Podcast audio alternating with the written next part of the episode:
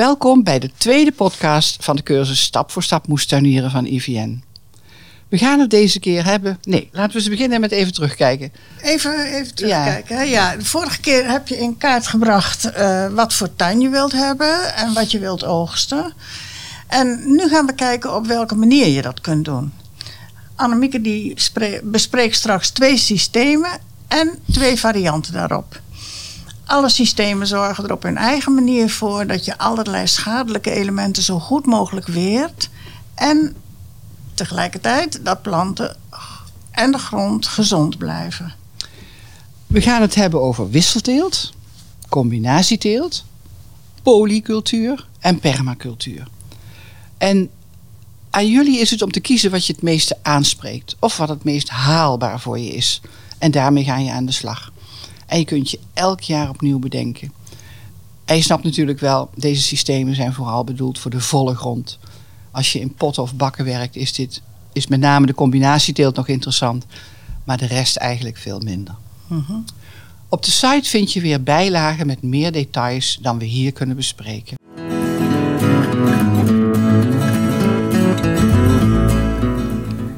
Oké, centraal staat dus de vraag: hoe ga je het doen? Elke plant haalt bepaalde voedingsstoffen uit de bodem en laat andere stoffen achter. Dat betekent dat een groep dezelfde planten in het tweede jaar op dezelfde plek voedingsstoffen tekort kan komen. Bovendien kunnen ziektes en schimmels en plaagdieren het tweede jaar hard toeslaan, want die weten de weg of die zitten in de bodem al te wachten tot jij weer aankomt met je tomaten. Dat kun je op verschillende manieren voorkomen. Het eerste systeem dat we bespreken is wisselteelt. Wisselteelt werkt met zes tot acht vakken. Per vak verbouw je een bepaalde groep planten, zowel als voor- en als nateelt. Elk jaar schuift elke groep één vak op met de klok mee.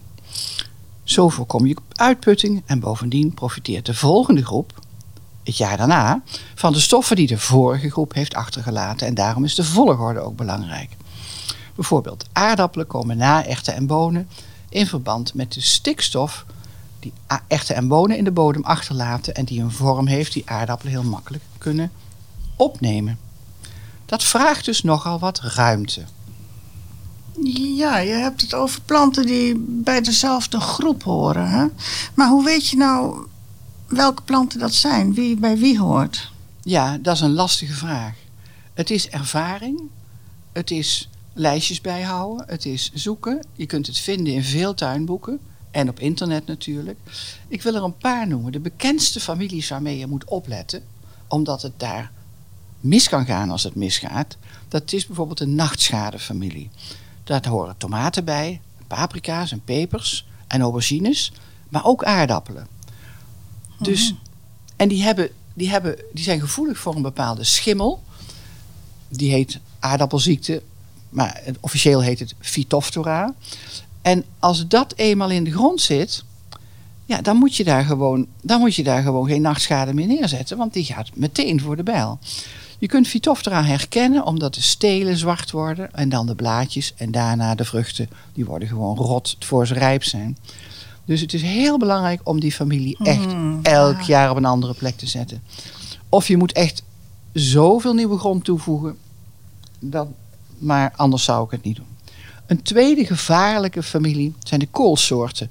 En let op, daar horen ook rucola en radijs bij. En ook mosterdzaad is een, is, hoort bij de koolfamilie. Oh ja, dan, dan vind ik rucola wel een heel gevaarlijke. Want ik heb één keer een plantje gezet en... Uh, dat zaait zich uit. Ja, daarop zit de hele tuin eronder. En dan, wat moet je dan doen? Nou ja, kijk, je moet het heel, beginnen met heel goed in de gaten houden. Die, die koolsoortfamilies, die koolfamilie, die is gevoelig voor...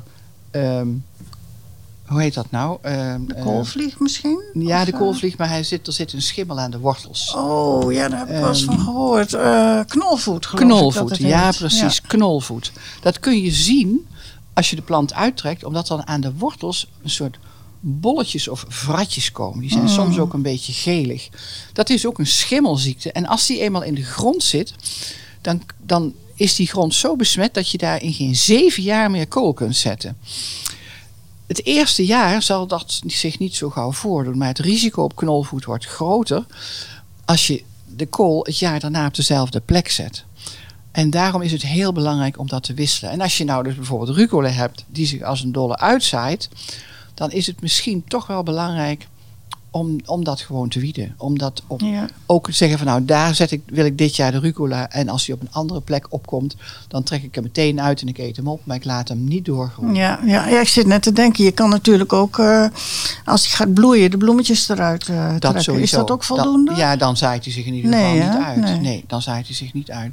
En je kunt jezelf natuurlijk ook helpen door als je koolplanten rooit, of ook als je rucola rooit, omdat hij te oud en te bitter wordt, dat je de wortels goed, goed eh, controleert. Want als die schimmel eraan zit, moet je het vooral ook niet op je composthoop gooien. Want dan zit die schimmel straks in je compost. En dan ga jij zelf je hele tuin besmetten.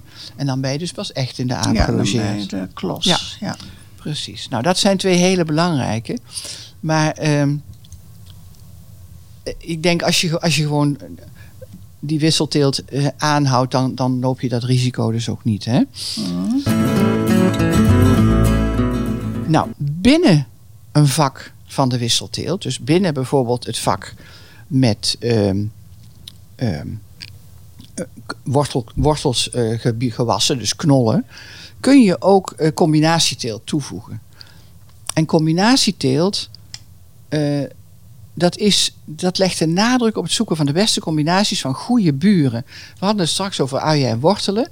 Hè, ook in de wisselteelt kun je dus dat heel goed in één vak bij elkaar zetten. Het hoort ook in hetzelfde vak, want het zijn allebei wortelgewassen.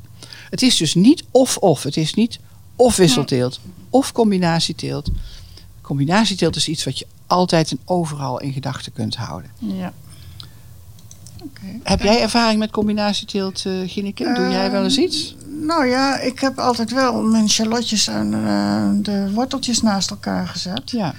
Dat garandeerde geen succes, maar ik had geen last van wortelvlieg of Dat zo. in ieder geval niet. Dat ze niet zo hard groeiden, heeft vast met iets anders te maken. Ja, dat kan maar zo ze waren niet ja. besmet met, eh, met, met weet ik wat voor beestjes Precies. die rechtop in de worteltjes staan dan eh, Ja. wat ik wel eens gezien heb. Ja.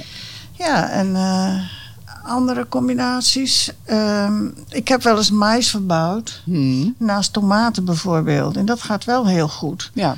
Maar ik, ik, ik haal het uit boekjes, want ik weet dat niet. Ik kan het zelf niet eh beredeneren met, met, met, scheikundige achtergrond Nee, of zo. Dat precies, weet ik maar dat allemaal niet. Maar in hè? boekjes kun je best een hoop vinden. Er, er zit- Ja. staan heel veel fantastische combi- eh, Ja. schema's op, op internet. Ja. Ja. En wij hebben zelf ook lijsten met plantcombinaties in de bij, bijlagen zitten. Wat ook nog een hele populaire is in moestuinen, dat zie je ook heel vaak, zijn Afrikaantjes. Oh en ja, Afrikaantjes, die zorgen, die werken tegen aaltjes in de bodem. En aaltjes, die horen natuurlijk in principe tot het bodemleven, maar die wil je niet in je worteltjes hebben zitten. Want dan hou je geen worteltjes over. En eh, dus als je merkt dat je, dat je worteltjes worden aangevreten, dat daar allemaal kleine eh, gaatjes in zitten, dan eh, zet dan ook behalve uien ook maar Afrikaantjes tussen je worteltjes. Ja, ja. En dan moet je misschien wel een jaar volhouden, maar het jaar daarna heb je dan zeker geen last meer van aaltjes, want die, die nemen gewoon de benen, want die hebben daar een hekel aan. Een variant op de combinatieteelt is de polycultuur. Polycultuur is het systeem waarin groentes niet in vakken, maar in rijen worden gezet. Steeds één rij van een bepaald gewas en daarna weer iets anders. Of, iets, of een hele goede buur. In de professionele landbouw ehm, wordt daar nu ook mee, eh, mee geëxperimenteerd. Dus gewoon in de reguliere landbouw. En daar maken ze die strokencultuur precies, die stroken precies zo breed dat je er met een machine overheen Ja. kunt om te zaaien of te oogsten. En ehm, de goede en de slechte buren zijn dus een hele goede leidraad van wat zet ik nou naast elkaar. Eh, bij Yvonne Ree op de pluktuin bijvoorbeeld, daar staan eh, prei en boerenkool naast elkaar. Oh, ja. Omdat de boerenkool en de prei ruiken allebei heel sterk. Mhm. En die, de, die, de, de, de, de boerenkoolgeur jaagt de preimot weg en de preigeur jaagt de koolvlieg weg. Nou, dat kan dus in de professionele landbouw ook. En je, kunt, eh, je moet dat dus ook ieder jaar wisselen. Dus je kunt dan bijvoorbeeld gewoon het schema van de wisselteelt toepassen. Dus je hebt stroken. En dat kan ook met, met rijtjes van één plant. Hè? Dus als jij uh, zes verschillende soorten planten in je moestuin wilt hebben, dan kun je daar dus zes rijtjes naast elkaar van maken. En het jaar daarna laat je alles verspringen. Zoals volgens het schema van de, van de, van de wisselteelt. En dan kun je dat heel lang volhouden. Ja, weet je wat nou bij me opkomt? Is er dan zoveel verschil tussen uh, combinatieteelt en wisselteelt? Tussen polycultuur en wisselteelt? Of nou, wisselteelt, de klassieke wisselteelt zijn echt, zijn echt, vakken. Hè? Dat zijn echt ja, vakken. Ja, oh ja. Hè? Met, met, met paadjes ertussen. En die vakken die verspringen ieder jaar. En dan heb je soms, als je het heel groot aanpakt, ook binnen die vakken nog bedden met verschillende dingen. En daar geldt dan de combinatieteelt. Van wat zet je dan samen in één vak. Terwijl combinatieteelt... in rijtjes. Polycultuur zijn rijen. Ja. Dus geschikt voor een kleine tuin ook. Dat kan in een kleine tuin, dat kan ook in een bak. Als jij een verhoogde bak hebt, kun je daar ook zes rijtjes in maken. Maar je kunt dus in een kleine bloembak ook iets aan combinatieteelt doen. Dus als je vier planten in een, in een, in een bloembak wilt zetten, dan, dan doen ze het beter als je, als je volgens de regels van de combinatieteelt de goede dingen bij elkaar zet. Dus dit zijn, dit zijn dingen om mee te spelen, om mee te experimenteren. En het is dus nooit of-of. Nee. Wisselteelt is echt een systeem, maar polycultuur en combinatieteelt zijn varianten. Het tweede echte systeem dat we gaan bespreken is de permacultuur. Permacultuur is het bekendste van de voedselbossen. Het uitgangspunt is leven in harmonie met de natuur en de omgeving in de breedste zin. Het is dus echt een ontwerpsysteem. De bodem en het bodemleven staan centraal. Jij zorgt voor de bodem en de bodem zorgt voor de planten. De planten bij de permacultuur staan door elkaar in zeven lagen, net als in de natuur. Ze vormen complexe systemen met schimmels, bacteriën en bodemdieren. En ziekten en plagen krijgen daardoor minder kans.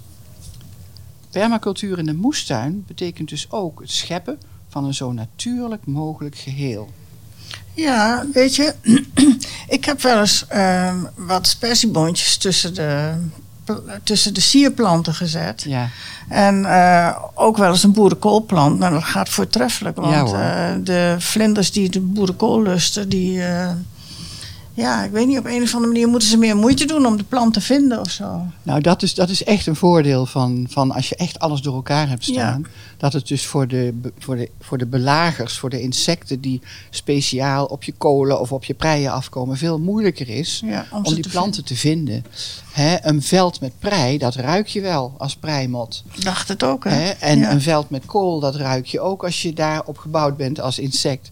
Maar een losse kool die ruik je niet. En andere insecten die zoomen juist weer in op de vorm bijvoorbeeld of op de kleur. Mm. En dat is dus ook, je, je, creëert dus heel veel verwarring voor, voor de belagers. Ja. Dus dat is, al, dat is al een mooi voordeel. Nog afgezien van, van wat er in aan interessants in de bodem gebeurt. Hè. Wist je trouwens dat er meer biodiversiteit, eh, ook in kilo's, onder je voeten zit dan dat er op de aarde leeft? Nee, eigenlijk niet. Verbijsterend. nee, dat wist ik. Ja, ja, verbijsterend. Ja. Goed, een heel kleinschalig voorbeeld van de permacultuur is het gilden van de fruitboom. Dat, dat is een mooi, ik vind dat een mooie uitdrukking. Het is een mini-ecosysteem met één centrale fruitboom die wordt omringd door een groep planten en kleine struiken die elk hun eigen rol hebben. Dus voeding produceren voor de mens of voor de bodem, stikstof binden, want stikstof in de lucht is niet hetzelfde als stikstof die opgenomen kan worden door planten. Dus die stikstof moet gebonden worden en omgezet in een vorm die voor planten zinvol is. Dan insecten lokken, vogels lokken of juist weren.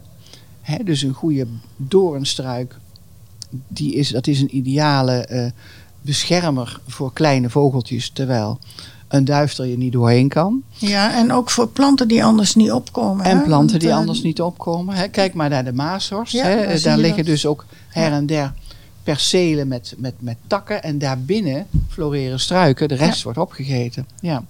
Nou, andere planten die trekken juist weer mineralen naar boven. Dat, dat zijn zogenaamde mineralenpompen. Dat zijn planten met diepe penwortels. Hmm. Die halen mineralen uit de bodem. Die ze vervolgens boven de grond, als ze mulg worden, dus je moet ze dus niet weghalen, maar laten vallen, weer de toegankelijk maken voor planten die niet zo diep gaan met hun wortels. Zou, zou ik daar bijvoorbeeld papavers voor kunnen gebruiken? Die hebben een enorme penwortel. Ja, ik, Dat wist ik eigenlijk niet, totdat ik ze dacht van ik moet ze even rooien nu. Maar ja. Nou, ik heb een boek dat heet Permacultuur in de moestuin. ja, En daar staat een heel mooi schema in van welke planten echt voedselverzamelaars zijn. ja, ja. Daar staat de papaver niet tussen. Dat sluit dus niet uit dat Nee, nee, toch dingen doet. Ik zou wel bij de papavers de meeste zaaddozen uiteindelijk wel weghalen. ja. Want als je nou een tuin wilt met alleen maar papavers, dan moet je echt een je jaartje alles laten Dan moet je staan. naar Dr. Pulder, ja. Het ziet er prachtig uit, Ja. maar je, je kunt er niks van eten. Ja. nou.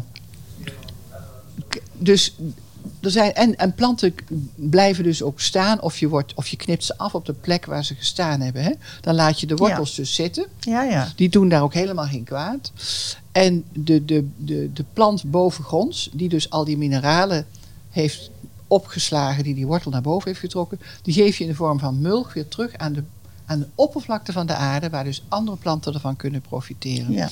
En zo creëer je dus hele krachtige biodiversiteit. En dat kan dus echt op een paar vierkante meter. Er zit een artikel over het gilde van de fruitboom in de bijlage. Nou, in het begin is het dus allemaal flink puzzelen. Maar als het eenmaal staat, is het minder werk dan een tuin vol eenjarigen. Dat, dat vind ik, dat is echt het voordeel van permacultuur. Het is ja. Je echt kunt het gewoon werk. zijn gang laten gaan. Je hè? kunt het voor een groot gedeelte zijn gang laten gaan. Ja. Ja. Ja. Nou, nu heb je alle ingrediënten voor je teeltplan op een rij. En kun je gaan puzzelen en plannen. Hoe ga jij het doen? Wat komt waar? Volgende keer dan eh, gaan we het hebben over zaaien, verspenen en nog wat. Veel succes!